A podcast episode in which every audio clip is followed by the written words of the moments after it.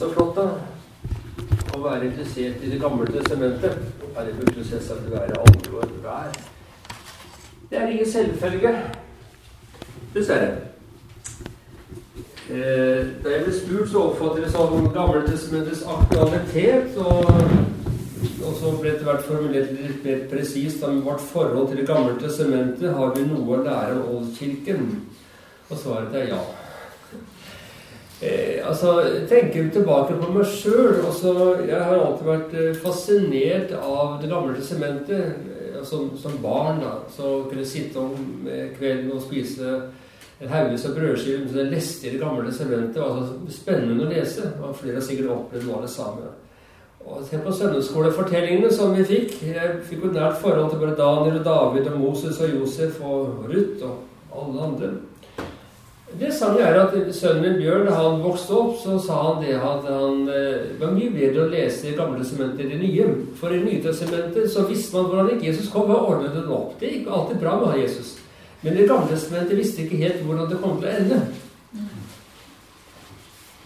Da jeg gikk på Frikirkens eh, bibelseminar, så ble jeg fascinert av profeten Amos. Ordene til han, profeten, gikk rett inn i det mange av oss er opptatt av, nemlig urettferdigheten i verden. Så sier Herren, tre ugjerninger av Israel, ja, fire, jeg holder dere ikke tilbake. For, for de selger den rettferdige for penger, det fattige for et par sandaler, de tramper svakes hode ned i støvet og trenger hjelpeløse bort fra veien. Dette går rett inn i vår tid også. Dette er aktuelt.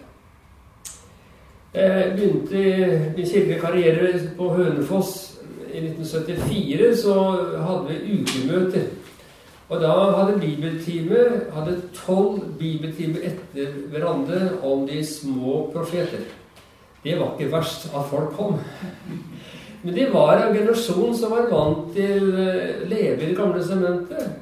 De syntes nok at det kanskje ble litt mye krig og sånt noe enkelt, hos enkelte profeter. men i dag ville jeg nok lagt fram det fram på en litt annen måte, men det, det, det sier litt også at jeg våget det. Men eh, jeg hadde interesse av Det gamle testamentet, men også at de virkelig kom. Men i dag møter vi en del skepsis imot Det gamle testamentet. Og fra ulike hold så protesteres det mot at gamle testamentet er en viktig bok for kirkene og de kristne. Ja, Man er jo usikker på om Nytestamentet er noe særlig viktig heller, men det er jo en annen sak protest mot Det gamle testamentets dramatiske fortellinger. For 15-20 eh, år siden så var det jo strid oppe ved Spjelkavik kirke. Hvor kunstner Håkon Bleken skulle, eh, skulle lage glassmalerier til kirken. Og der var et eh, av motivene det var om Abraham som ofret sin sønn Isak med kniven. Og biskop Bondevik protesterte mot dette. Det ville han ikke ha noe av. Eh, han mente at Blekens bildeframstilling var for sterk. Men det, til slutt så kom eh, bildet på plass, fordi menighetsrådet sa at eh, hvis ikke vi får det bildet, så blir det et blankt bilde. Ingenting. Og Under tvil så ga biskopen tillatelse til bildet, men han sier når Abrahams tru vart hadde fram i teksten så positiv, er det for meg et problem, fordi det er et tru som innebærer å ofre andre mennesker i dette tilfellet Isak. Det ler seg vanskelig sammenligne med et nytestamentlig trosomgrep. Dette, sier Bondevik, er ikke den eneste teksten i Det rammede sementet som gir oss problem. Og protest mot gudsbildet møter vi stadig. Norea-pastoren Svein Anton Hansen fikk inn følgende spørsmål. En venn av meg sier noe sånt. Gud i Det gamle sementet er også grusom av det med kriger og slikt, mens Gud i Det nye testamentet er så helt annerledes. Hvordan kan det være så forskjellig? Jeg skal ikke svare på, på, på det nå, men dette viser altså som protest mot Det gamle testamentet. Og så får vi denne protesten mot historisiteten. Ifølge mange teologer er det ikke bare skapelsesberetningene og urhistorien myter, og ikke historiske fakta. Historien om Abraham, Isak og Jakob er tvilsomme. Og det samme med Moses og utgangen av Egypt. Eh, og det meste ser ut til, så langt jeg kan forstå, at de mener at det er, diktet opp av tempelskrivere. Med sånn Etter at man vendte tilbake fra Babel. Da satt man og skrev. Og jeg tenker de burde hatt Nobelsprisen for litteratur. Så flinke de var til å finne opp alt dette. Til å skrive. Hvem det enn var. Vi vet ikke navnet på dem. Men antagelig er det særlig Det gamle testamentet som Åste Dokka da tenker på. Hun skriver alle som har studert teologi, har brukt år på å lære om Bibelens tilblivelse og vet at tekstene er innbyrdes motstridende, inneholder historiske feil, har mange scener i tillegg til det som for oss er utilgjengelige grunnmanuskripter, er bærere av etikker vi vanskelig kan tilslutte oss i dag. Så da er det bare å rømme over til Nytestamentet før den også blir pulverisert. Men så har vi dette med praktisk likegyldighet. da. For et par generasjoner tilbake altså Min gode, fromme svigermor hun var av dem og disse damene på og noen med mannfolk på Hønefoss altså, De levde i Nytestamentets verden. De, de, var vel kjent med alle bilder og alle historier. Det var en del av dem. Det er stadig mindre av det. Hvis man leser i Nye Gamle testamentet, så er det enkelte evangeliske ord Nå såret for våre overtredelser osv. Herren er min hyrde, kanskje. Ja. En del av salmene, men så stopper opp. Og dette gjør det veldig vanskelig å forkynne ifra Det nye testamentet. For hvis man skal forklare, så må man bruke veldig lang tid på å forklare alle ting. Og før man eventuelt kan forkynne og kunne si litt om hva dette har å si til oss i dag. Så det å få fram dybden i teksten i Nye testamentet er veldig krevende. Eh, fordi det er så avhengig av en forståelse av Gamle testamentet. I kirkeferien, da. Kirkeferien, kirkemødrene Hvordan leste de Gamle testamentet? Vel, uansett så var iallfall Det gamle testamentet det første eh, kristnes nedskrevne bibel det skrevne Nytestamentet det kom jo etter hvert. Først brevene, og så evangeliehistoriene som skrevne. Og det skrift i Gamle sementet som mest ble talt over, var visstnok Høysangen. Så jeg husker det i Bibelen så sto det sånn overskrift over hvert kapittel om den, hvordan Høysangen skulle forstås. En åndelig betydning. Det er borte. Nå er det en ren kjærlighetshistorie. Punktum. Jeg har allerede sitert fra profeten Amos, og hvordan mange har anvendt det som en tale mot urettferdighet også vår tid. Da jeg skrev boken om kirken i Nord-Afrika, så kom jeg over også det, hvordan man eh, også på den tiden brukte fortellingene i det gamle sementet for å tale inn i deres situasjon på 300-tallet. I en tid der rike hadde stor makt over fattige, så kunne et gammelt testamentet brukes for å påtale sosial urettferdighet. En anonym predikant levendegjør for de nydøpte i en preken vi har, fortellingen om Elisha som hjalp enken i Seretta, så ikke sønnene, ikke sønnene ble solgt som slaver. Enken ba for sine sønner, mens hun klaget over at kreditorene forsøkte å få sønner skapt i himmelsk frihet, underkastet sin egen grådighet, og at barna måtte betale for fedrenes gjeld. Så eh, dette var jo slik de opplevde. Altså Det som hendte på Risha sin tid, det var det som det hendte på den tiden, og som folk også opplever i dag også. Og predikanten mente at det er ikke nok at de rike kristne ga almisser til de fattige, for det burde man ofte ta fram med å gi almisser. Nei, for de måtte også unngå handlinger som fratok mennesker deres frihet, mat eller verdighet. Eh, altså Som Jakob også skriver i Nytestamentet altså, eh, det, er ikke noe, det er ikke nok verken å være from eller å gi gode gaver. Det må gi rett lønn også. Rettferdighet. Da det var hungersnød og keiseren og den katolske kirke ville gi mathjelp i krisetider, så var i Nord-Afrika den donatistiske gruppen, kirken, var skeptisk til å ta imot disse gavene. Fordi de var redde for at når de tok imot eh, gave, rike gaver fra kirken og fra keiseren, ville det føre til at de ble avhengige av katolikkene.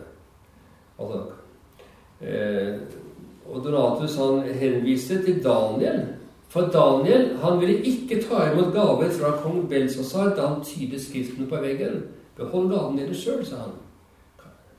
Og det blir tydelig sånn at det sånn, tar imot gaver, så får et sånn avhengighetsforhold. En annen populær fortelling hos donatistene var da historien om Esau og Jakob. Og det ble advart mot å gi opp frelsen for ved og spise en hauges av brødskiver med det leste i gamle sementet. Altså spennende å lese. Og flere har sikkert opplevd noe av det samme. Og Se på søndagsskolefortellingene som vi fikk. Jeg fikk jo nært forhold til både Daniel og David og Moses og Josef og Ruth og alle andre. Det sanne er at Sønnen min Bjørn, han vokste opp, så sa han det at han eh, var mye bedre å lese i Gamle testamentet enn det nye. For i Nye testamentet så visste man hvordan ikke Jesus kom, og ordnet det opp. Det gikk alltid bra med Jesus. Men i Gamle testamentet visste ikke helt hvordan det kom til å ende. Da jeg gikk på Frikirkens eh, bibelseminar, så ble jeg fascinert av profeten Amos. Ordene til han, profeten, gikk rett inn i det mange av oss er opptatt av, nemlig urettferdigheten i verden. Så sier Herren, tre ugjerninger av Israel, ja, fire, jeg holder dere ikke tilbake. For, for de selger den rettferdige for penger, det fattige for et par sandaler, de tramper svakes hode ned i støvet og trenger hjelpeløse bort fra veien. Dette går rett inn i vår tid også. Dette er aktuelt. Jeg begynte min kirkelige karriere på Hønefoss i 1974. Så hadde vi ukemøter. Og da hadde bibeltime hadde tolv bibeltimer etter hverandre om de små profeter. Det var ikke verst at folk kom. Men de var en generasjon som var vant til å leve i det gamle sementet.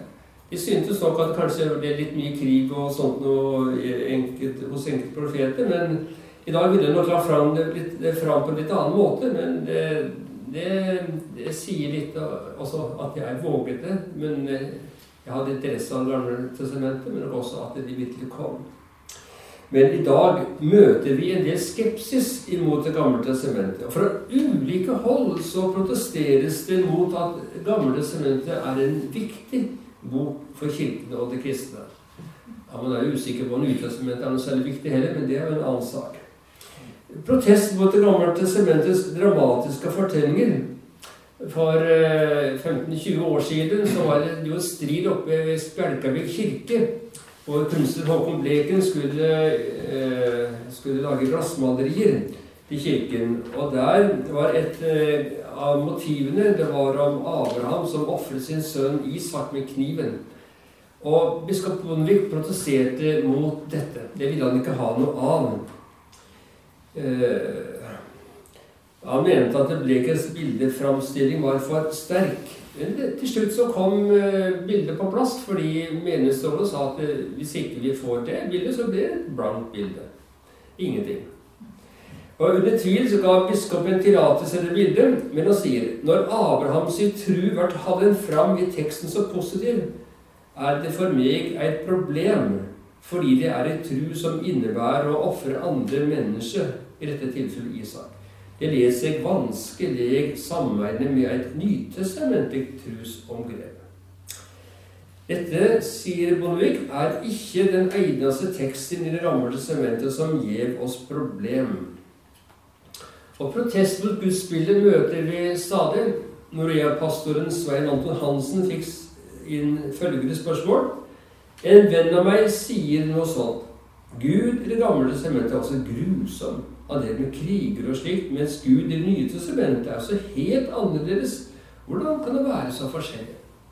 Jeg skal ikke svare på, på, på det nå, men dette viser altså som protest mot Det gamle testamentet. Og så får vi denne protesten mot historisiteten. Ifølge mange teologer er det ikke bare skapelsesberetningene og urhistorien myter, og ikke historiske fakta. Historien om Abraham, Isak og Jakob er tvilsomme. Og det samme med Moses og utgangen av Egypt.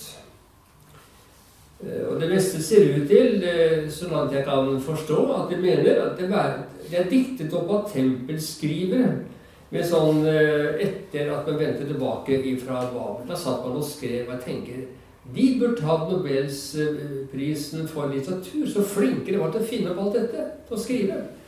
Hvem det nå var, vi vet ikke navnet på dem. Men antagelig er det særlig Det gamle testamentet som Åste Dokka da tenker på. Hun skriver alle som har studert teologi, har brukt år på å lære om Bibelens tilblivelse og vet at tekstene er innbyrdes motstridende, inneholder historiske feil, har mange sene tillegg til det som for oss er utilgjengelige grunnmanuskripter, er bærere av etikker vi vanskelig kan tilslutte oss i dag. Så det er bare å rømme over til Nytestamentet før den også blir pulverisert. Men så har vi dette med praktisk likegyldighet. da. For et par generasjoner tilbake altså Min gode, fromme svigermor hun var av dem og disse damene på og noen med mannfolk på Hønefoss. altså De levde i Nytestamentets verden. De, de, var vel kjent med alle bilder og alle historier. Det var en del av dem. Det er stadig mindre av det. Hvis man leser i Nye Gamle testamentet, så er det enkelte evangeliske ord Nå såre for våre overtredelser osv. Herren er min hyrde, kanskje. Ja. En del av salmene, men så stopper det opp. Og dette gjør det veldig vanskelig å forkynne ifra Det nye testamentet. For hvis man skal forklare, så må man bruke veldig lang tid på å forklare alle ting. Og før man eventuelt kan forkynne og kunne si litt om hva dette har å si til oss i dag. Så det å få fram dybden i teksten i Nye testamentet er veldig krevende. Eh, fordi det er så avhengig av en forståelse av Gamle testamentet. I kirkeferien, da. Kirkeferien, kirkemødrene Hvordan leste de Gamle testamentet?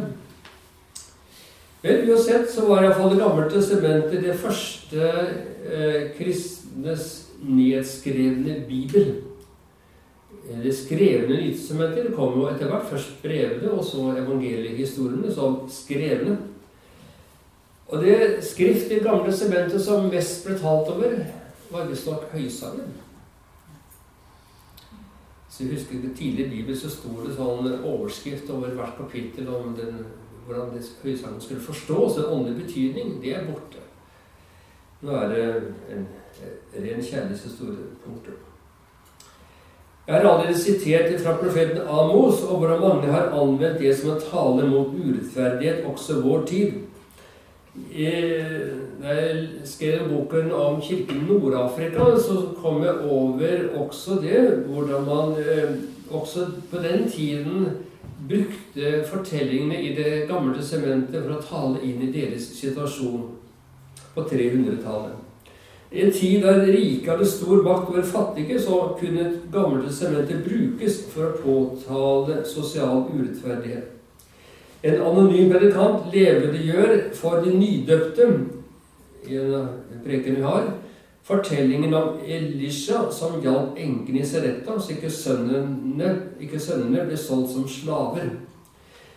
Enken ba for sine sønner mens hun klaget over at kreditorene forsøkte å få sønner skapt i himmelsk frihet, underkastet sin egen grådighet, og at barna måtte betale for fedrenes gjeld.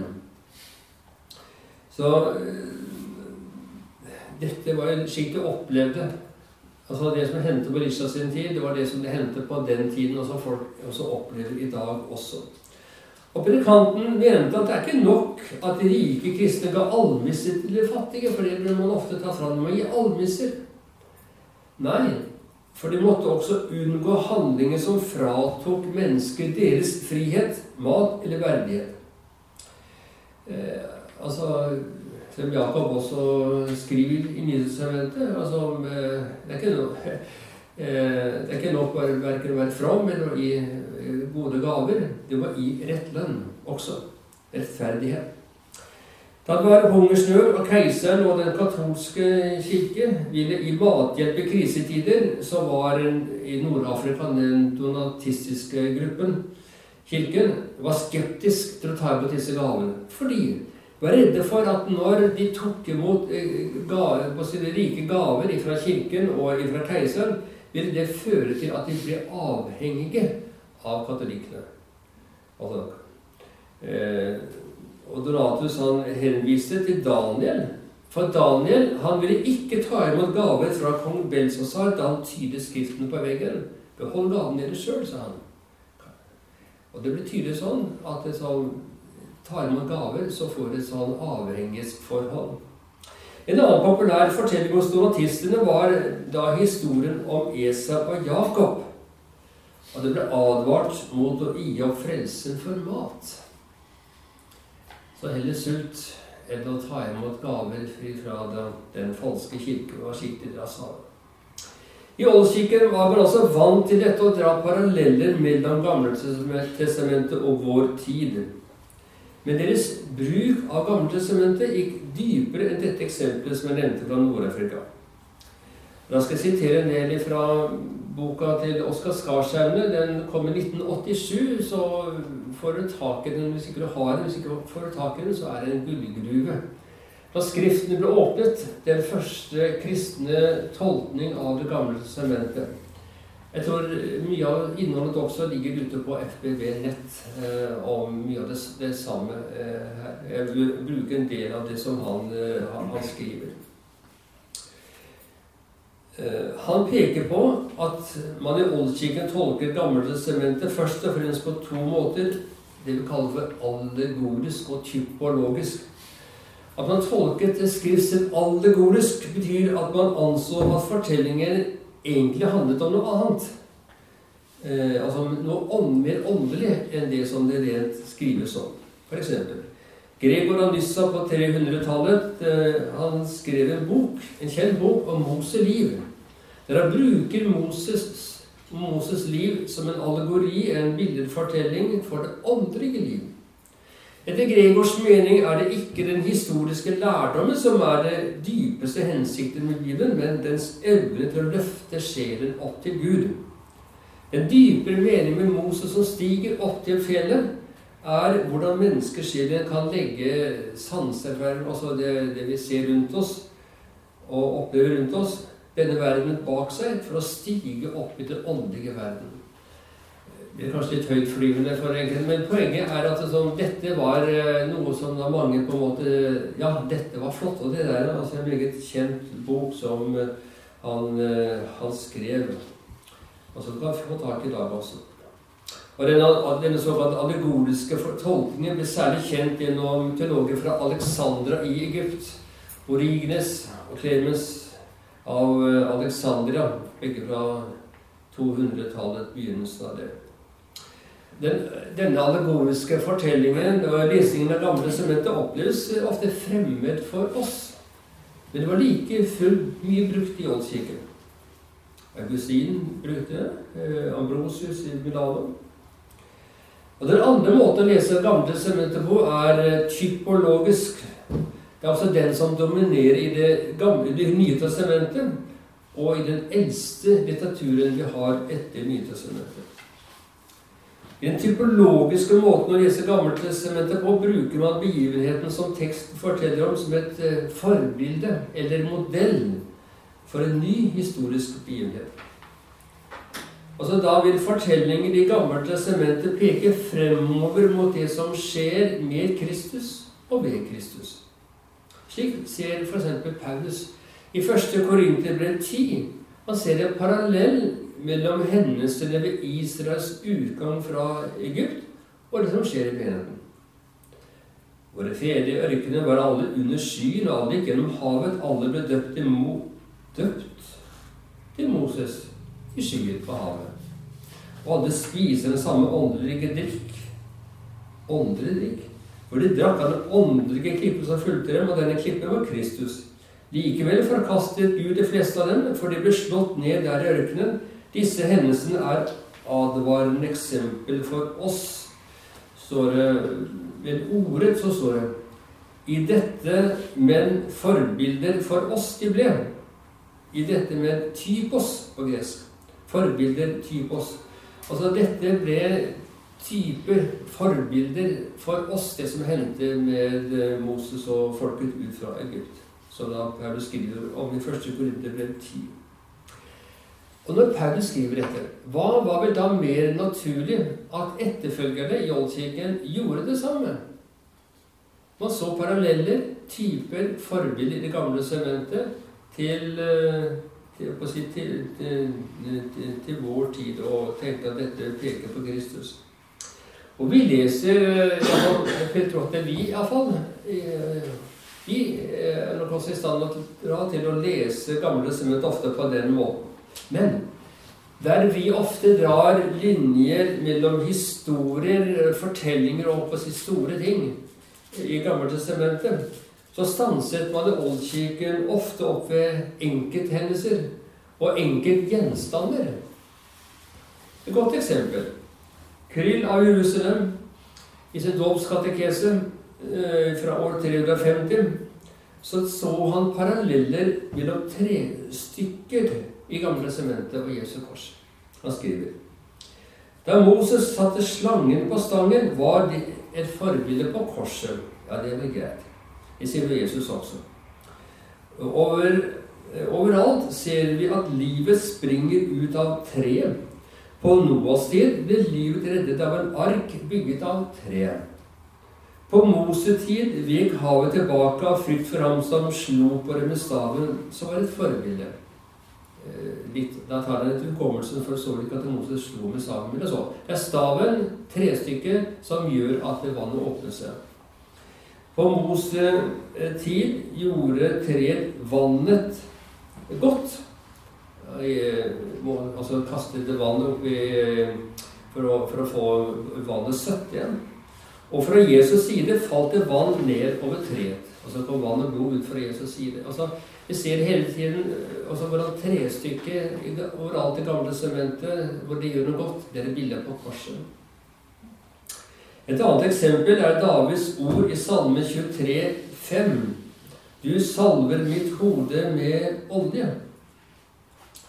Atanasius den store av Egypt på 300-tallet sier dette verset peker mot krismeringens sakrament, eller salvingens sakrament. Du salver mitt hode med olje. Ja, vi blir salvet med olje og bedt om Den hellige ånd kom over oss.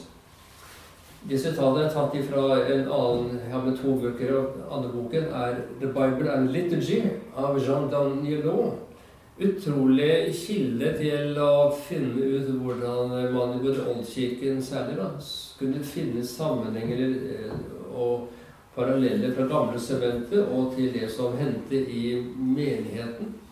Alt fra ulike høytidene i kirken og fra mange ting som skjedde i kirken. Det, er et, eh, det blir ikke ofte når jeg, når jeg skal tale, etter å slå opp for å finne liksom, hvordan vi kan finne eh, forståelse, hvordan skal forstå tekstene i Nytestamentet og eh, også særlig Gammeltestamentet.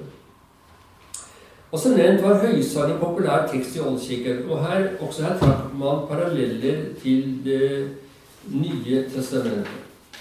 Og nå er jeg litt usikker på om jeg skal, hva vi skal kalle det. Typologi, allegori, hva vet jeg. Hva vet jeg. Men for eksempel Høysangen 1.15 fra 1978-oversettelsen. Hvor vakker du er, min elskede. Jeg er vakker med øyne som duer. Ja, hva så? Til dette sier Ambrosius av Milano. Han bruker det i forbindelse med etter dåpen, når nydøpte da er kledd, ikledd eh, hvite drakter. Han sier at For det var i en skikkelse av en due at Den hellige ånd kom ned fra himmelen. Vakker med øyne som duer. Duer? Duer Ja, det er jo Den hellige ånd. Så ser man plutselig at dette er et bilde på Den hellige ånd. For Ambrosius knytter dette til dåpen, der Den hellige ånd ble utgitt i sjelen, som i de døpte en skjønnhet. Jeg mottar Den hellige ånd. Det er en skjønnhet som stråler ut av dem, som nå er kledd i sine hvite dåpsdrakter. Og vi uten videre forstår parallelle alle ting sjøl, det er ikke så kanskje det vesentlige poenget er at dette er jo noe som ofte blir brukt. da. Det er mange slike eksempler som kan brukes, og det, også dette hentet fra denne, denne boka. I tillegg til allegorisk og typologisk tolkning kommer en tredje type, sier Skarsheimer. Det er en direkte profeti om Kristus eller menigheten. Og vi vet jo hvordan Lukas forteller i Lukas 24 om Jesus på vei til Emmaus forklarer sine medvandrere hvordan det sto om ham i alle skriftene. Alle skriftene. Eh,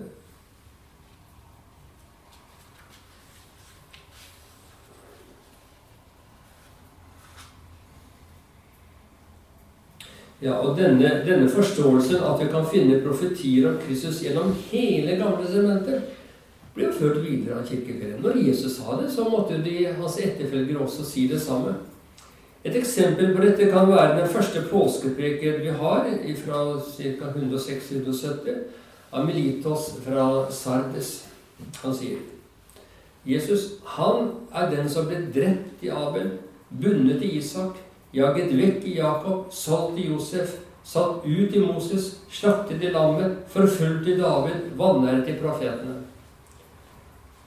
Hva tenker du når han bare sa disse håper jeg, ene setningen eh, I dag så måtte vi ha tatt en, si, en kvarter og forklart alle ting for folk. Ja, men så dette forsto jo folk umiddelbart. Ja, det var jo sånn de hadde hørt. Dette var det opplærte. De skjønte umiddelbart. Og han, de kjente alle fortellingene umiddelbart. De visste om det.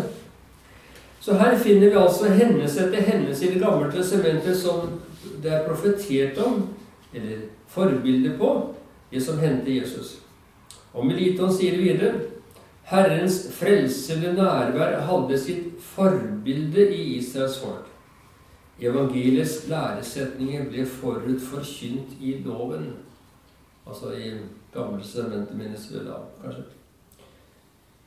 Herrens frelse nærvær hadde sitt forbilde i Israels folk. Så er, er Israels historie, er gamle sementer er dette noe som vi helt bør, eh, holde oss unna? Nei, det er jo her vi møter forbildet på Kristus. Den typologiske, profetiske tolkning det er, eh, om vi ikke kan skjelle det veldig fra hverandre, er ikke det så farlig, fordi den er besiktet med hverandre.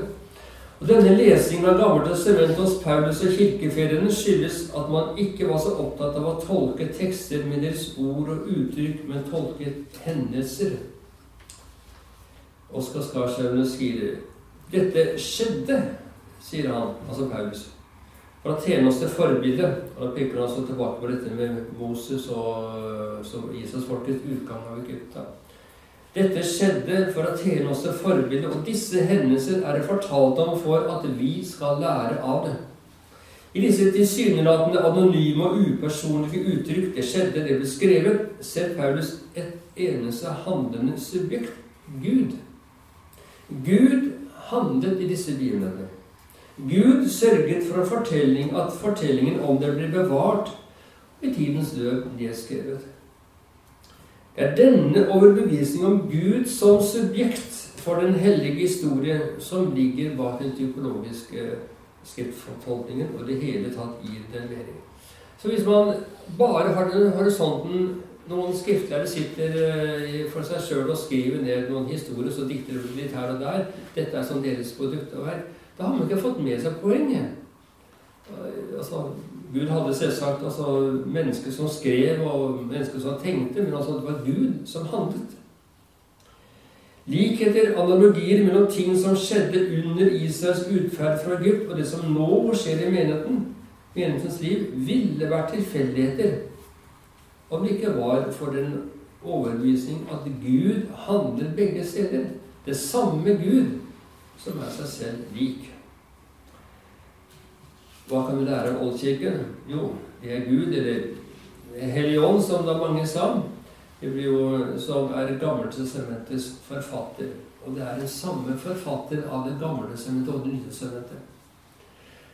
Og det, fordi det er Gud som handler og skriver som vil det, så er det ikke sånn at Gud skriver en bok, og så går han til neste Nå skal vi skrive Det nye testamentet. og Nei, jeg burde kanskje ha, ha liksom eh, skrevet enda litt i min første bok.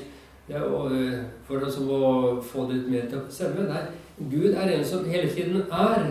Han er både i Det gamle og Det nye testamentet samtidig. Altså, Så når Gud skriver, så vet han hele tiden, vet han hele tiden hva han skal skrive, hva som skal bli skrevet, og hva som skal bli gjort. Fordi Gud er til stede både i Nye testamentet og i Det gamle testamentet. Derfor er hele tiden det som skjer her og der, det er en sammenheng. For Gud ser sammenhengen.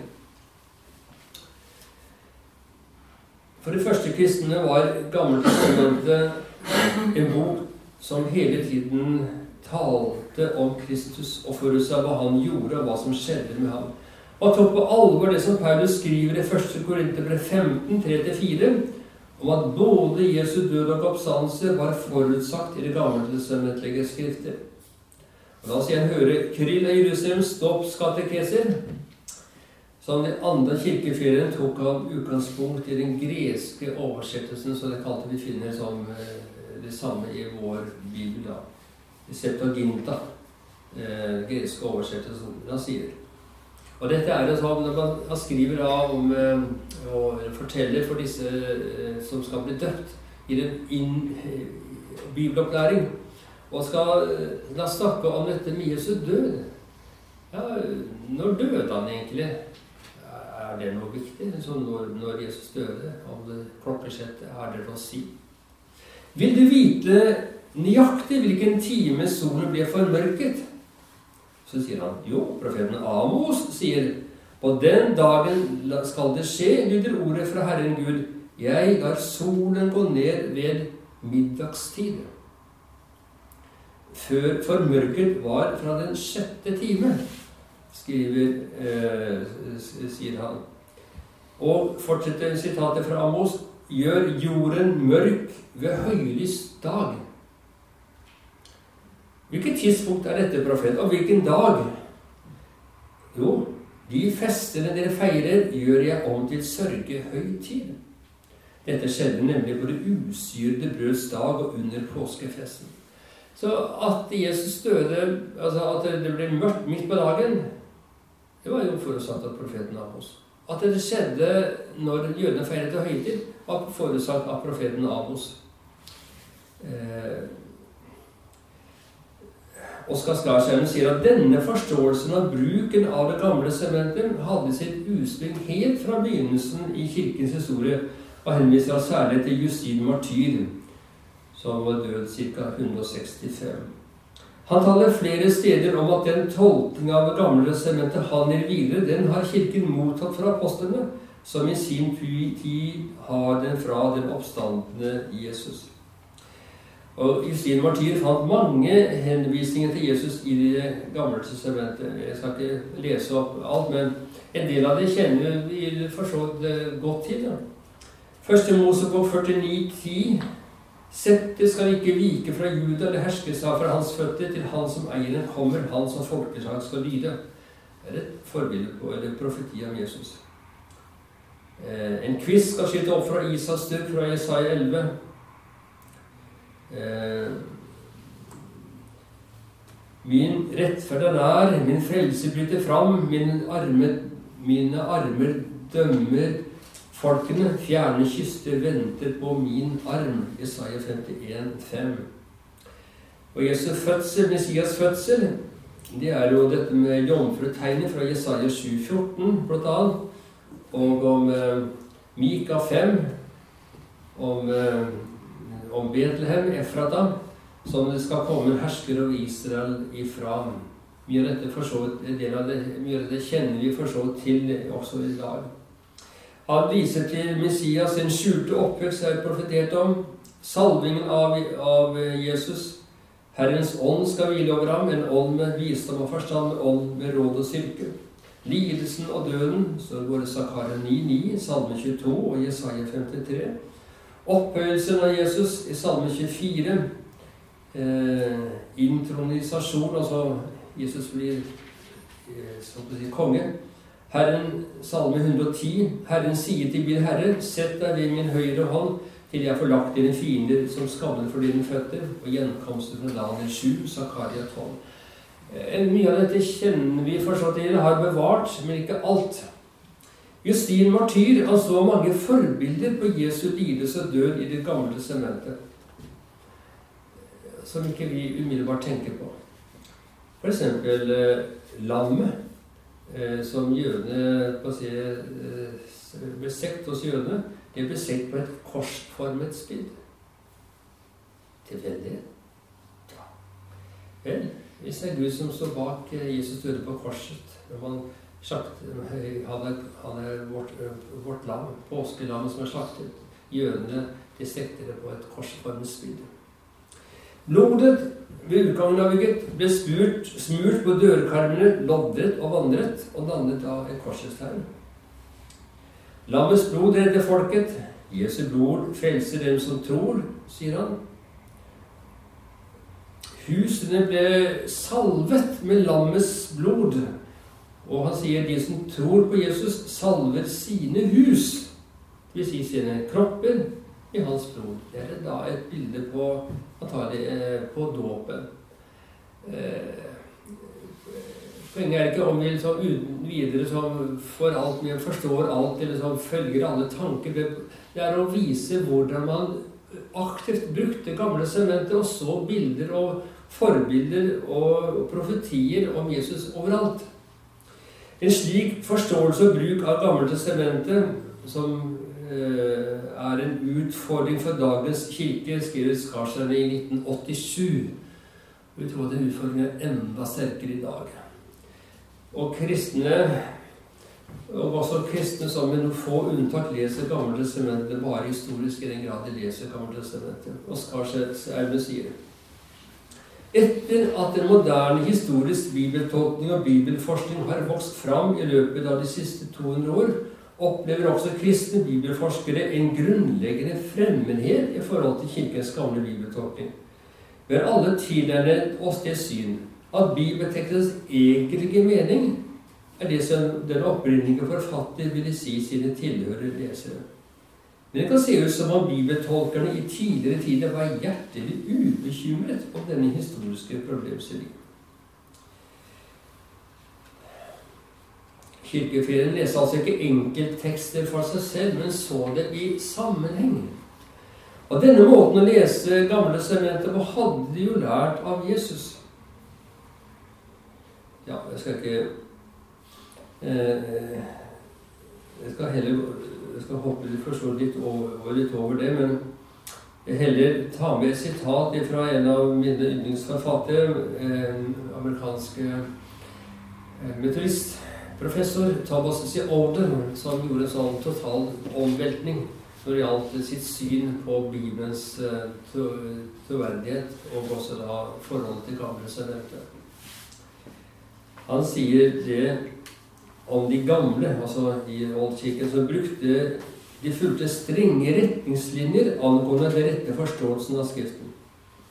For det første utviklet de klassiske eksegetene, altså skrifttolkerne, et høyt utviklet mønster med skriftmessige kryssreferanser. Lærte vi det da vi studerte teologi eller på kristendom? Eller lærer man det i dag? Kan ikke tro det. Skriftmessige kryssreferanser. Og dette hviler på den forutsetningen at ikke noe skriftsted står alene uten forbindelse til hele åpenbaringshistorien. Fordi hvert skriftsted blir rett forstått i forholdet til hele Skriften. Men da jeg, selv om jeg gikk på konsert i sted, så måtte du, som lærte det at eh, et skriftord i Gamle sementet skulle forstås ut ifra sammenhenger datiden og det som hadde hendt før. Det skulle aldri forstås ut ifra de som kom etterpå. Det, var, det, det, det er sånn det vanlige det slik man skulle si til eksamen, i hvert fall. Eh, for det andre så de klassiske eksegetene på Skriften ikke bare i forhold til andre tekster, men også i forhold til videre sammenheng mellom kultur, historie og språk, men aldri til en slik grad av sammenhengen eller språklig analyse, analyse truet teksten som det primære. Eh, så om vi graver og rundt omkring eh, hvordan var datiden og språket, så er altså teksten i seg selv er det viktigste. Han viser til at i pinsedag så Peter i sin tale Han ikke, begynte ikke å analysere omvendelse. Hva betyr egentlig omvendelse? Som metanoia eller på gresk. Og, og roten til dette, og hvordan ble det brukt i forskjellige steder. Men han, som andre av de tidlige troende, henviste han uten videre til helgeskriftene. De profetene snakker om 'omvend dere', og dere må omvende dere. Han anvendte det ganske direkte. Eh, har det blitt en moderne vane å anta at enhver skrifthenvisning trenger man en utfyllende analyse av sammenhengen. Men han sier den ortodokse regelen er en tekst kan ut fra sin sammenheng, men aldri imot sin sammenheng. Det finner vi i Oldkirken. Man tok ord ut fra sammenhengen og brukte det, men aldri imot Altså, altså Alle sånn at dere sa imot sammenhengen, slik at det ble at man uh, kunne finne på å si hva som helst. Og Det gjorde at man leske skriftstedene tilfeldig og kom fram til gal forkynnelse og lære. I første Kristus så ikke Gammeltestamentet først og fremst som jødeskrifter, men kirkens. Og det var fordi de virkelig trodde på Skriftene. Justin Martyr hadde en dialog med en jøden Tryfo Iallfall han for en bok om det. Og han sier David sang dem. Jesaja forkynte dem. Zakaria proklamerte dem. Moses skrev dem. Kjenner dere dem, Tryfo? Dere gjør det? De har bevart skriftene deres, dvs. Si ikke deres, men våre, for vi tror dem. Mens dere, selv om dere leser dem, får ikke tak i ånden som er i dem. Det var altså kritikken mot uh, jødene. Dere har Skriftene, men dere får ikke tak i ånden i dem. Ja. Kan ikke det sies som ja ved dagens kirke? Dere får ikke tak i ånden. Altså, Dere leser kanskje Gamle sementer, og dere leser Skriften ellers også. Men får du tak i ånden hva som egentlig skal sies? De første kristne hadde som skriftlige kilder først og fremst Gamle testamenter. Dessuten hadde de muntlige og etter hvert skriftlige beretninger om Jesus og apostlene. Hvordan brukte de gamle sementiske forkynnelse? Skarstein skriver og Dette er hentet de fra det som er på FBB-nettet fra 2019. Det som er felles for de fleste av disse tekster, er at de er polemiske, eller i hvert fall argumenterende. De vil bevise noe fra Skriften. Jesus selv, evangelistene, Paulus brevene, talende akta, barnas brev, Justin, Martyr, og Sardes, tilroføres av Antiokia. De vil alle bevise noe ut ifra Skriften. Noe som blir motsatt av andre, og som det må argumenteres for. Så det var altså ikke gamle sementet var altså ikke bare interessante opplysninger og interessante historier, men de brukte det for å argumentere. Dette betyr at Sånn må du gjøre. Sånn må du tro. Dette er altså noe som blir anvendes direkte til folk. Ja, jeg skal hoppe over litt av Luther. Skal ikke, det er andre som kan mye mer om det, og Luther og hans gamle semente. Jeg bare avslutter med en liste om eh, hvordan gamle Sementer i større grad kan bli en aktuell bok for oss og våre menigheter. Ja, vi kan jo for det første lese Gamle sementet som en bok med menneskers erfaringer med livet og med Gud. Sånn sett er det nyttig å lese øh, Jobbs bok om øh, Salmenes bok, om Davids fall, Jossas mot osv. Det er, øh, det er fint. Men vi, må også lese Gamle sementer som mer som en åndelig bok. Den gamle testamentet handler ikke bare om spennende historier, som det var for meg i min barndom. Selv om jeg selvsagt møtte Gud der også. Men det handler om en Gud som styrer og leder. Så tenk på dette året for barna. Vi, det er mange flotte fortellinger å fortelle for barna fra gamle sementet. Men vi også forteller dem at dette handler om Gud. At de møter Gud gjennom de spennende fortellingene. Les derfor Gamle sementet som en Kristusbok, slik man gjorde i Oldkirken. Vi må se profetiene og forbildene på Jesus i Det gamle sementet. Og vi må lese Det gamle sementet for å forstå Det nye testamentet. Eh, Peter, eller på forklarelsen eh, om Peter som blir overveldet og sier at 'Herre, skal vi bygge tre hytter. En til deg og en til Moses og Elia. Og mange ler av ha-ha, så dum du er, Peter, som skal bygge hytte. Men den eh, riktige forståelsen av dette er eh, ifølge Daniel Aar, og det er riktig, det. Dette er bildet nemlig på løvehytte. Og når var det folket bygde løvehytter? Det var når det var i ørkenen, ikke hadde noen til å passe på seg. Alt var fred. altså det hadde vært Gud som beskytter. Og det som Peter nok tenkte, var at nå er endetiden kommet. Nå er Messias rike kommet. Nå trenger vi ikke lenger noen borgere og noen vaktfolk. Nå er det Gud som er vår beskytter, og vi kan bare bo i enkle, enkle løvehytter. For nå er det fred i landet. Altså omtrent på den måten. Og det er eh, Poenget mitt er altså skal, eh, vi, må, vi, må, se eh, Skal vi forstå Nytestamentet, så må vi se bakover på Gamle testamentet. Ellers så forstår vi ikke Nytestamentet. Les Gamletestamentet som grunnboka som Jesus og profetene og apostlene bygger på. Les Gamletestamentet for å lære om det grunnleggende om den ene Gud, skaperen og vi som forvaltere.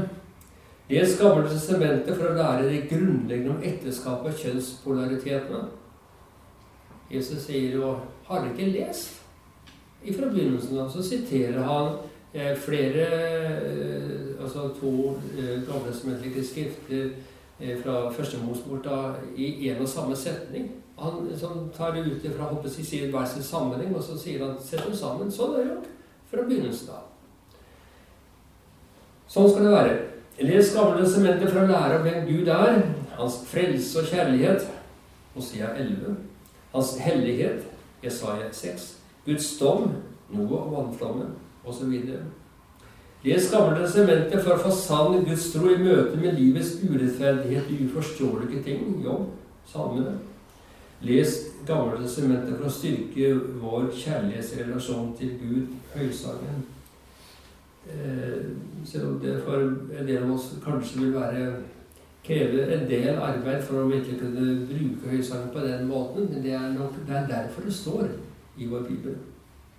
Jeg skal bare helt til slutt si forutsetningen for å forstå Gamle sementet. Skal vi forstå Gamle sementet og hele Skriften, krever det en ydmyk tilnærming til ordene og til Gud selv. En slik holdning kan lære voldkirken. Athanasius i boka som ble gitt ut, 'Guds ord ble menneske', han sier helt på slutten For uten å granske Skriften og den sanne kunnskapen vi får gjennom det, er det også nødvendig med et godt liv en ren sjel og en kristen livsførsel. Det bør alle teologistudenter, alle studenter av Guds ord, lære seg når de skal studere. De må ha et rett liv, ren sjel, kristen livsførsel. Dette vil få, få forstanden til å gripe det den lengter etter, så langt det lar seg gjøre for et menneske å forstå sannheten om Guds ord. Uten et rent sinn og etterfølgelse av det helliges liv kan ingen forstå det helliges ord. Fordi skal vi forstå Gud, så må vi ha noe Guds ånd. Og Derfor kan jeg godt forstå at man på mange teologiske fakulteter sånn, tenker på en helt annen måte, fordi man har en helt annen holdning til dette. For dette gjelder jo hele Skriften, men kanskje aller mest Det gamle testamentet. Den som skal forstå Åndens tale til oss i Gamle testamentet, må selv eie denne hellige ånd og leve et liv i Ånden. Ellers så blir boken en lukket bok for oss.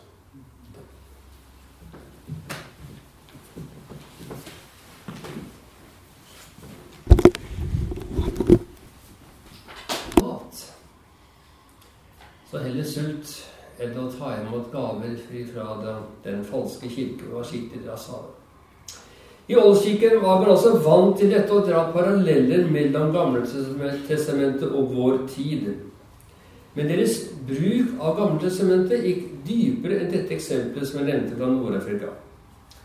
Da skal jeg sitere en del fra boka til Oskar Skarsaune. Den kom i 1987. Så får du tak i den hvis ikke du har den. Så er det en gullgruve.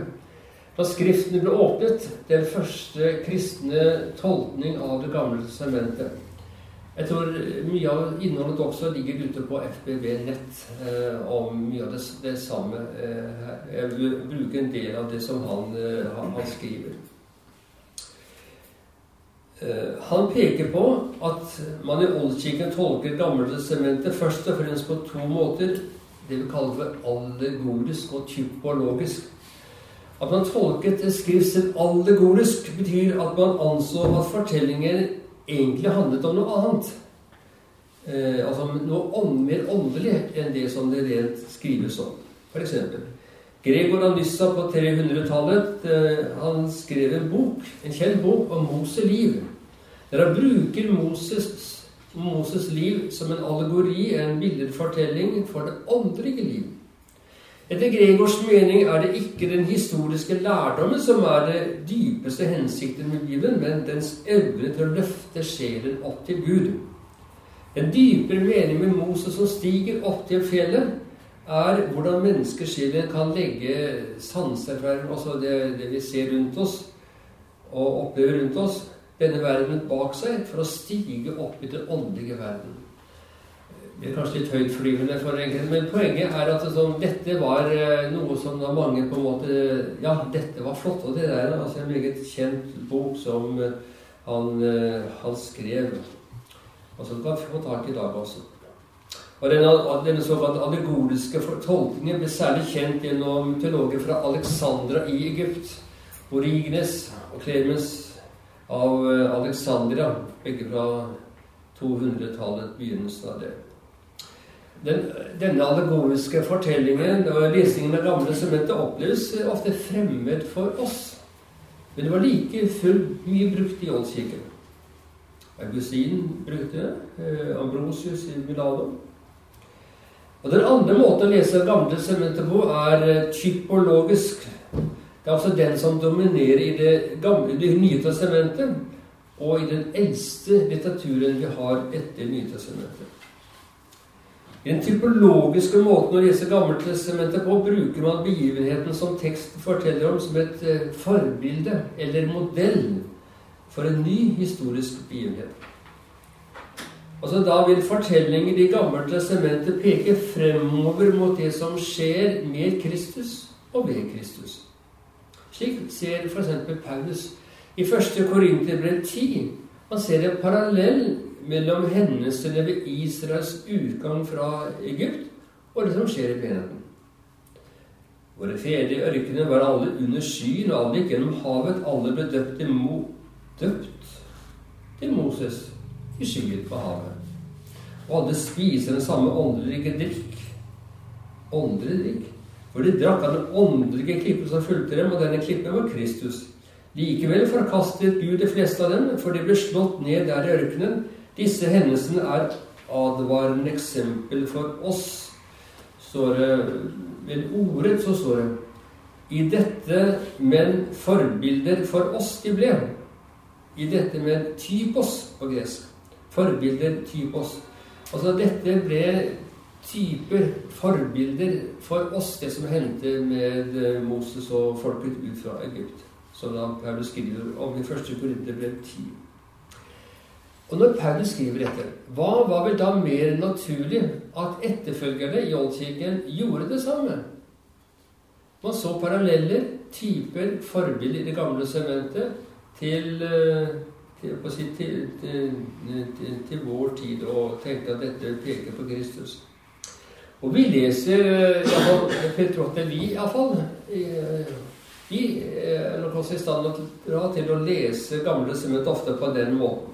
Men der vi ofte drar linjer mellom historier, fortellinger og på store ting i Gammeltestamentet, så stanset man i Oldkirken ofte opp ved enkelthendelser og enkeltgjenstander.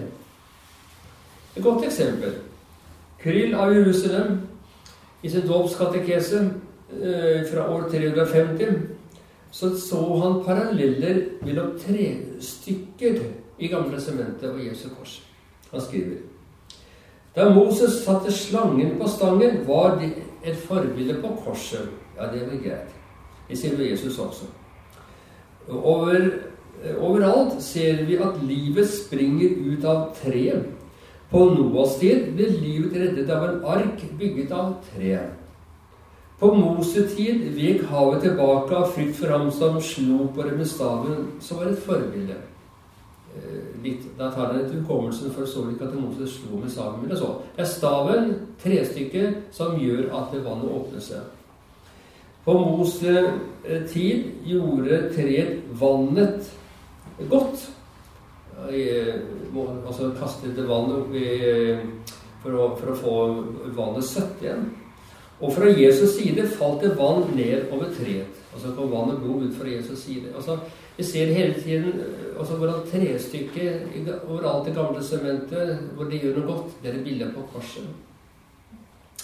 Et annet eksempel er Davids ord i Salme 23, 5. Du salver mitt hode med olje.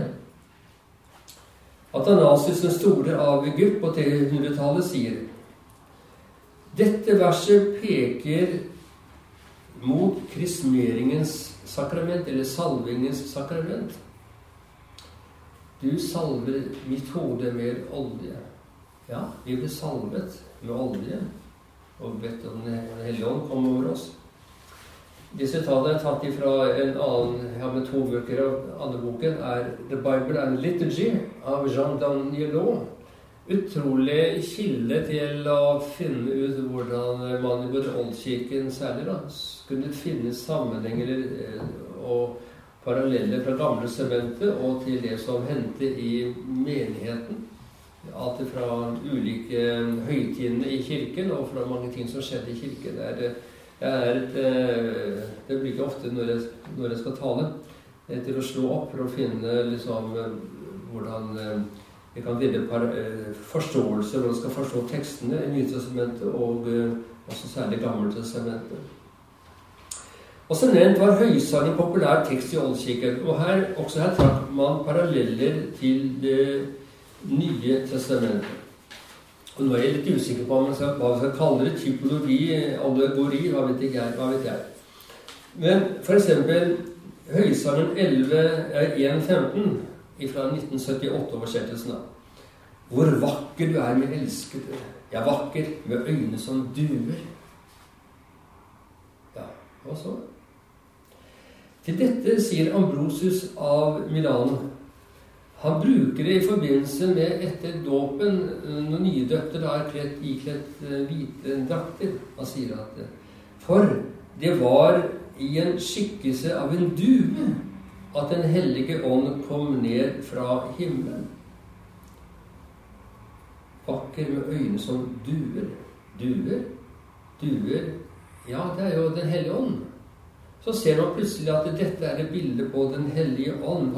For Ambrosius knytter dette til dåpen, der Den hellige ånd ble utgitt i sjelen, som gir de døpte en skjønnhet. Jeg mottar Den hellige ånd. Det er en skjønnhet som stråler ut av dem, som nå er kledd i sine hvite dåpsdrakter. Og vi uten videre forstår parallelle alle ting sjøl. Det er så kanskje det vesentlige poenget er at dette er noe som ofte blir brukt. da. Det er mange slike eksempler som kan brukes, og det, også dette hentet de fra denne, denne boka. Men I tillegg til allegorisk og typologisk tolkning kommer en tredje type, sier Skarshauge. En direkte profeti om Kristus eller menigheten.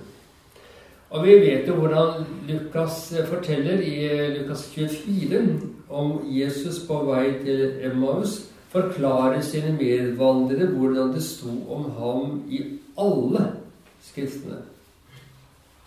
Alle skriftene. Eh,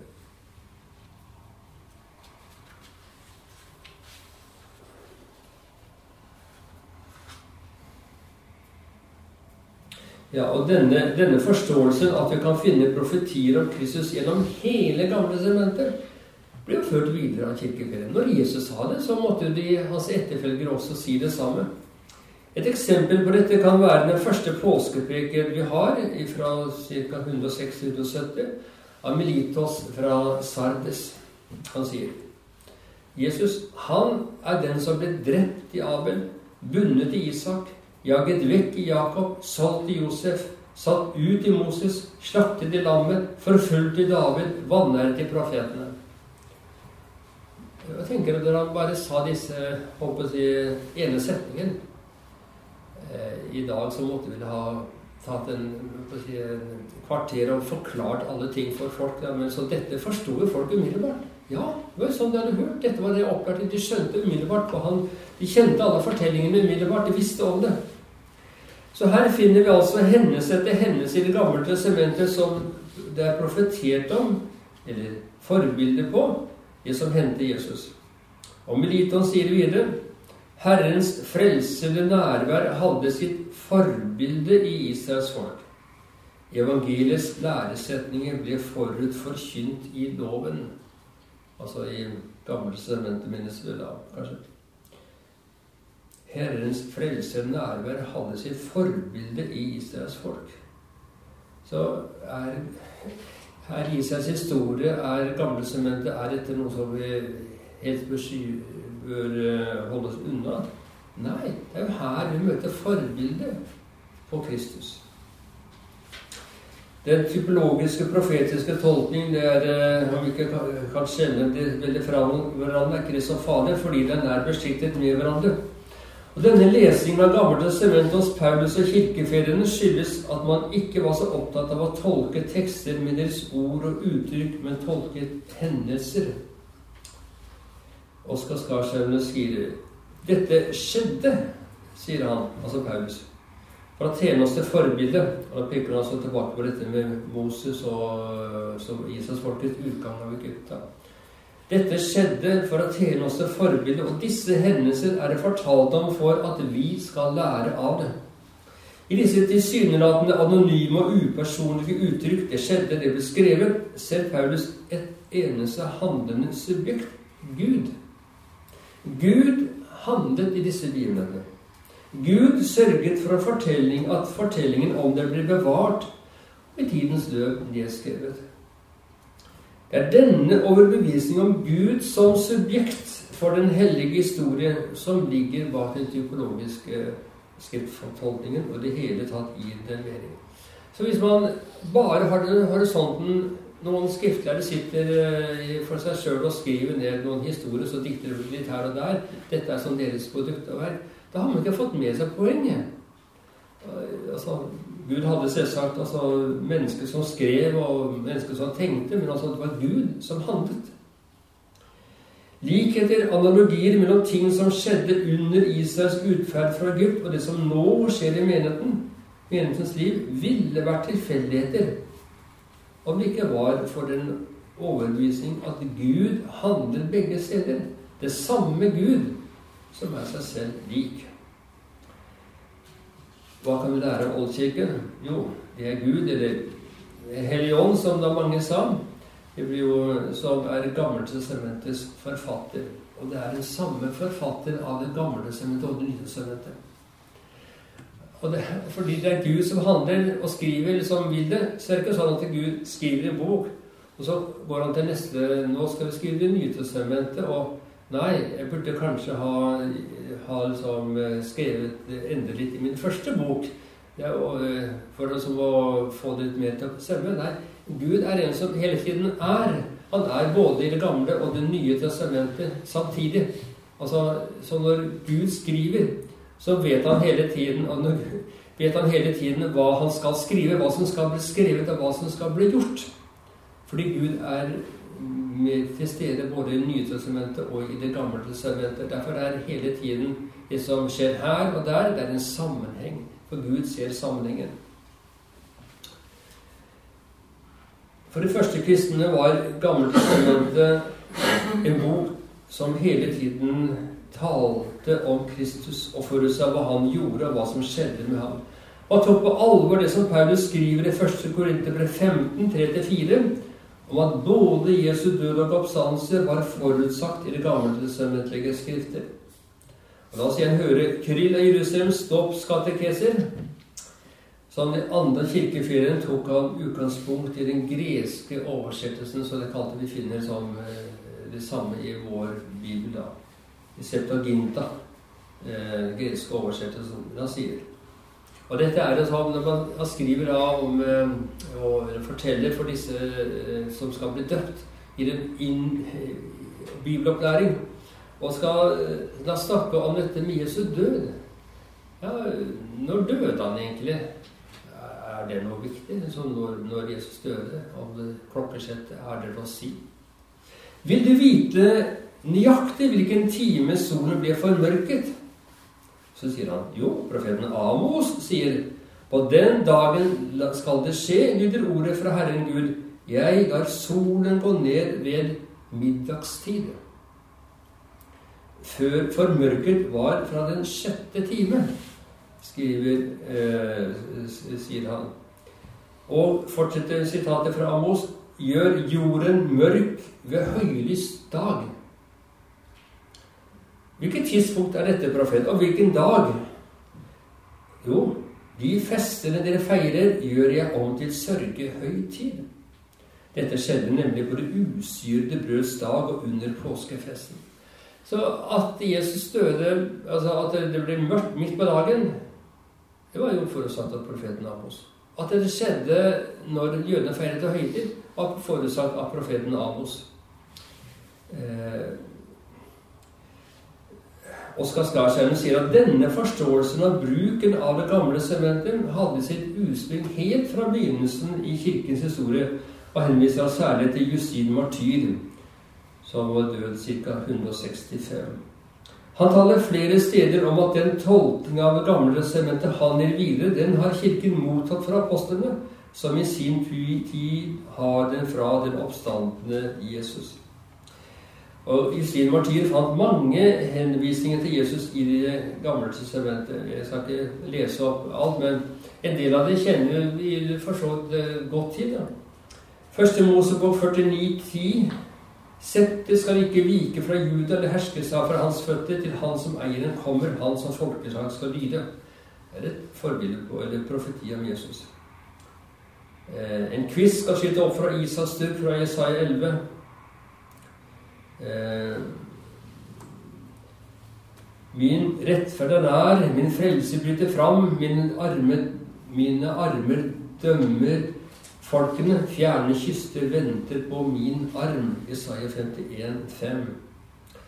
Og Jesu fødsel, Messias fødsel, det er jo dette med jomfrutegnet fra Jesaja 7, 14, blant annet. Og om eh, Mika 5, om eh, om Betlehem, Efrata, som det skal komme en hersker over Israel ifra.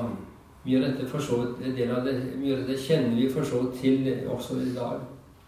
Han viser til Messias sin skjulte oppvekst er profetert om. Salvingen av, av, Jesus. Herrens ånd skal hvile over ham, en ånd med visdom og forstand, en ånd med råd og styrke. Lidelsen og døden står både Zakaria 9,9, Salme 22 og Jesaja 53. Opphøyelsen av Jesus i Salme 24. Eh, intronisasjon, altså Jesus blir eh, si, konge. Herren, Salme 110. Herren sier til min Herre, sett deg ved min høyre hånd, til jeg får lagt dine fiender som skammer for dine føtter. Og gjenkomsten fra Daniel 7, Zakaria 12. Eh, mye av dette kjenner vi forstått til, har bevart, men ikke alt. Justin Martyr han så mange forbilder på Jesu lidelse og død i Det gamle sementet som ikke vi umiddelbart tenker på. F.eks. Eh, lammet, eh, som jødene på å si, eh, ble sekt hos jødene. Det ble sekt på et korsformet spill. Tilfeldig? Ja. Vel, hvis det er Gud som står bak eh, Jesus døde på korset når man er, han er vårt, vårt lam, påskelammet som er slaktet. Jødene de stekte det på et korsformet. Blodet ved utgangen av bygget ble spurt, smurt på dørkarmene, loddet og vandret, og dannet av et korsets tegn. Lammets blod redder folket. Jesu blod frelser dem som tror, sier han. Husene ble salvet med lammets blod og han sier de som tror på Jesus, salver sine hus, dvs. Si sine kropper, i hans blod. Det er da et bilde på antagelig eh, på dåpen. Eh, poenget er ikke om vi liksom uten videre som for alt vi forstår alt, eller som følger alle tanker. Det er å vise hvordan man aktivt brukte gamle sementer og så bilder og forbilder og profetier om Jesus overalt. En slik forståelse og bruk av Gammeltestamentet, som eh, er en utfordring for dagens kirke, skriver Skarstein i 1987. Vi tror at den utfordringen er enda sterkere i dag. Og kristne, og også kristne som med noen få unntak leser Gammeltestamentet bare historisk i den grad de leser Gammeltestamentet. Og Skarstein sier etter at en moderne historisk bibeltolkning og bibelforskning har vokst fram i løpet av de siste 200 år, opplever også kristne bibelforskere en grunnleggende fremmedhet i forhold til Kirkens gamle bibeltolkning. Vi har alle tilnærmet oss det syn at bibeltekstens egentlige mening er det som den opprinnelige forfatter ville si sine tilhørere lesere. Men det kan se ut som om bibeltolkerne i tidligere tider var hjertelig ubekymret om denne historiske problemstillingen. Kirkefedrene leste altså ikke enkelttekster for seg selv, men så det i sammenheng. Og denne måten å lese Gamle sementer på hadde de jo lært av Jesus. Ja, jeg skal ikke eh, Jeg skal heller jeg skal hoppe for litt over, litt over det, men jeg heller ta med et sitat fra en av mine yndlingsforfattere, en amerikansk eh, professor Thomas C. Older, som gjorde en sånn total omveltning når det gjaldt sitt syn på Bibelens uh, troverdighet, og også da forholdet til Gamle sementet. Han sier det om de gamle, altså i oldkirken, som brukte De fulgte strenge retningslinjer angående den rette forståelsen av Skriften. For det første utviklet de klassiske eksegetene, altså skrifttolkerne, et høyt utviklet mønster med skriftmessige kryssreferanser. Lærte vi det da vi studerte teologi eller på kristendom? Eller lærer man det i dag? Kan ikke tro det skriftmessige kryssreferanser. Og dette hviler på den forutsetningen at ikke noe skriftsted står alene uten forbindelse til hele åpenbaringshistorien. Fordi hvert skriftsted blir rett forstått i forholdet til hele Skriften. Men da jeg selv om jeg gikk på konsert i sted, så måtte du, som lærte du det at eh, et skrift og Det gamle sementet skulle forstås ut ifra sammenhengen, datiden og det som hadde hendt før. Vi skulle aldri forstås ut ifra det som kom etterpå. Det, var, det, det, det er sånn det vanlige det slik man skulle si til eksamen. derfor. Eh, for det andre så det klassiske eksegetene på Skriften ikke bare i forhold til andre tekster, men også i forhold til videre sammenheng mellom kultur, historie og språk, men aldri til en slik grad at sammenhengen eller språklig analyse truet teksten som det primære. Eh, så, og vi graver og rundt omkring eh, hvordan var datiden og språket, så er altså teksten i seg selv er det viktigste. Han viser til at i pinsedag så Peter i sin tale han ikke, begynte ikke å analysere omvendelse. Hva betyr egentlig omvendelse? Som metanoia eller på gresk. Og, som, og roten til dette, og hvordan blir det brukt i forskjellige steder. Men han som andre av de tidlige troende henviste han uten videre til helgeskriftene. De profetene snakker om 'omvend dere', og dere må omvende dere. Han anvendte det ganske direkte. Eh, har det blitt en moderne vane å anta at enhver skrifthenvisning trenger man en utfyllende analyse av sammenhengen. Men han sier den ortodokse regelen er en tekst kan bli sitert ut fra sin sammenheng, men aldri imot sin sammenheng. Det finner vi i Oldkirken. Man tok ord ut fra sammenhengen og brukte det, men aldri imot. Altså aldri sånn at Dere sa imot sammenhengen, slik at det ble at man uh, kunne finne på å si hva som helst. Og Det gjorde at man lesket skriftstedene tilfeldig og kom fram til gal forkynnelse og lære. I første kristne så ikke Gammeltestamentet først og fremst som jødes skrifter, men kirkens. Og det var fordi de virkelig trodde på Skriften. Justin Martyr hadde en dialog med en jøden Tryfo. Iallfall han skriver en bok om det. Og han sier. David sang dem. Jesaja forkynte dem. Zakaria proklamerte dem. Moses skrev dem. Kjenner dere dem, trifo? Dere gjør det? De er bevart i skriftene deres, dvs. Si ikke deres, men våre, for vi tror dem, mens dere, selv om dere leser dem, får ikke tak i ånden som er i dem. Det var altså kritikken mot uh, jødene. Dere har Skriftene, men dere får ikke tak i ånden i dem. Ja. Kan ikke det sies som ja ved dagens kirke? Dere får ikke tak i ånden. Altså, Dere leser kanskje Gamle sementer, og dere leser Skriften ellers også. Men folk tar ikke om det hva som egentlig skal sies. De første kristne hadde som skriftlige kilde først og fremst Gamle testamenter. Dessuten hadde de muntlige og etter hvert skriftlige beretninger om Jesus og apostlene. Hvordan brukte de gamle sementer sin forkynnelse? Skarsteinen skriver og Dette er hentet de fra det som er på FBB-nettet fra 2019.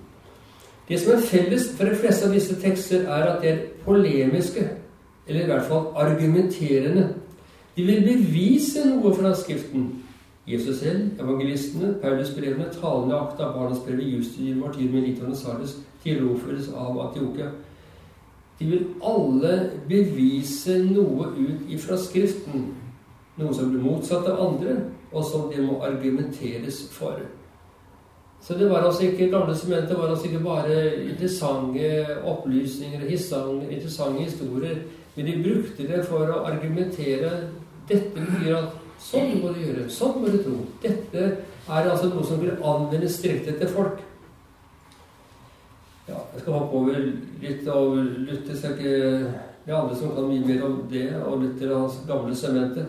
Jeg bare avslutter med en litt liste om eh, hvordan gamle sementer i større grad kan bli en aktuell bok for oss og våre menigheter.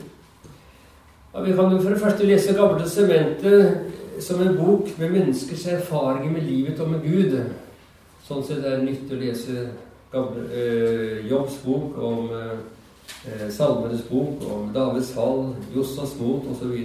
Det er, øh, det er fint. Men vi, må også lese Gamle testamentet som eh, mer som en åndelig bok. Det Gamle sementet handler ikke bare om spennende historier, som det var for meg i min barndom. Selv om jeg selvsagt møtte Gud der også. Men det handler om en Gud som styrer og leder. Så tenk på dette året for barna. Vi, det er mange flotte fortellinger å fortelle for barna fra gamle sementet. Men vi også fortelle dem at dette handler om Gud. At de møter Gud gjennom de spennende fortellingene. Les derfor Gamle sementer som en Kristusbok, slik man gjorde i Oldkirken. Og Vi må se profetiene og forbildene på Jesus i Det gamle sementet. Og vi må lese Det gamle sementet for å forstå Det nye testamentet.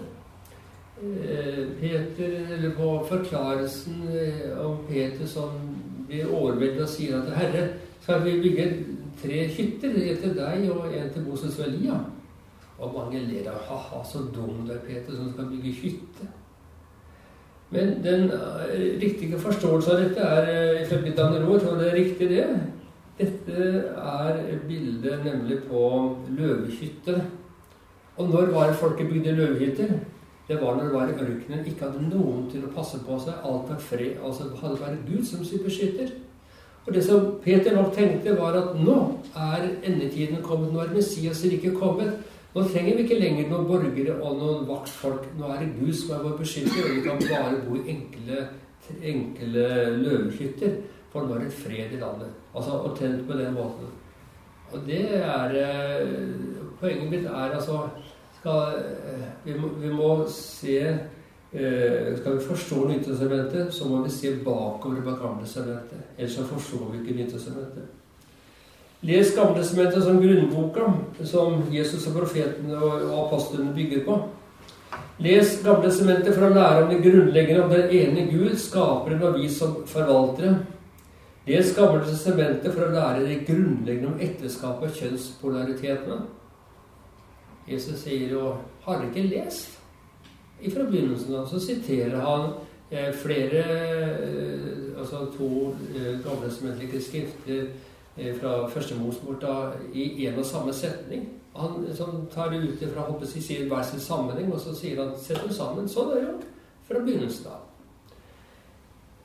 Sånn skal det være. Les Gamle sementer for å lære om hvem Gud er, hans frelse og kjærlighet, Hosea 11, hans hellighet, Jesaja 6, Guds dom, noe og vannflommen, osv. Les Gamle testamentet for å få sann Guds tro i møte med livets urettferdighet og uforståelige ting, jobb, salmene. Les Gamle testamentet for å styrke vår kjærlighetsrelasjon til Gud, høysangen. Eh, selv om det for en del av oss kanskje vil være kreve en del arbeid for å virkelig kunne bruke høysangen på den måten. Men det er, nok, det er derfor det står i vår bibel. Jeg skal bare helt til slutt si forutsetningen for å forstå Gamle sementet. Skal de forstå Gamle sementet og hele Skriften, krever det en ydmyk tilnærming til ordene og til Gud selv. En slik holdning kan lære oldkirken. Athanasius i boka som ble gitt ut, 'Guds ord ble menneske', han sier helt på slutten For uten å granske Skriften og den sanne kunnskapen vi får gjennom det, er det også nødvendig med et godt liv, en ren sjel og en kristen livsførsel. Det bør alle teologistudenter, alle studenter av Guds ord, lære seg når de skal studere. De må ha et rett liv, ren sjel, kristen livsførsel. Dette vil få, få forstanden til å gripe det den lengter etter, så langt det lar seg gjøre for et menneske å forstå sannheten om Guds ord. Uten et rent sinn og etterfølgelse av det helliges liv kan ingen forstå det helliges ord. Fordi skal vi forstå Gud, så må vi ha noe Guds ånd. Og Derfor kan jeg godt forstå at man på mange teologiske fakulteter sånn, tenker på en helt annen måte, fordi man har en helt annen holdning til dette.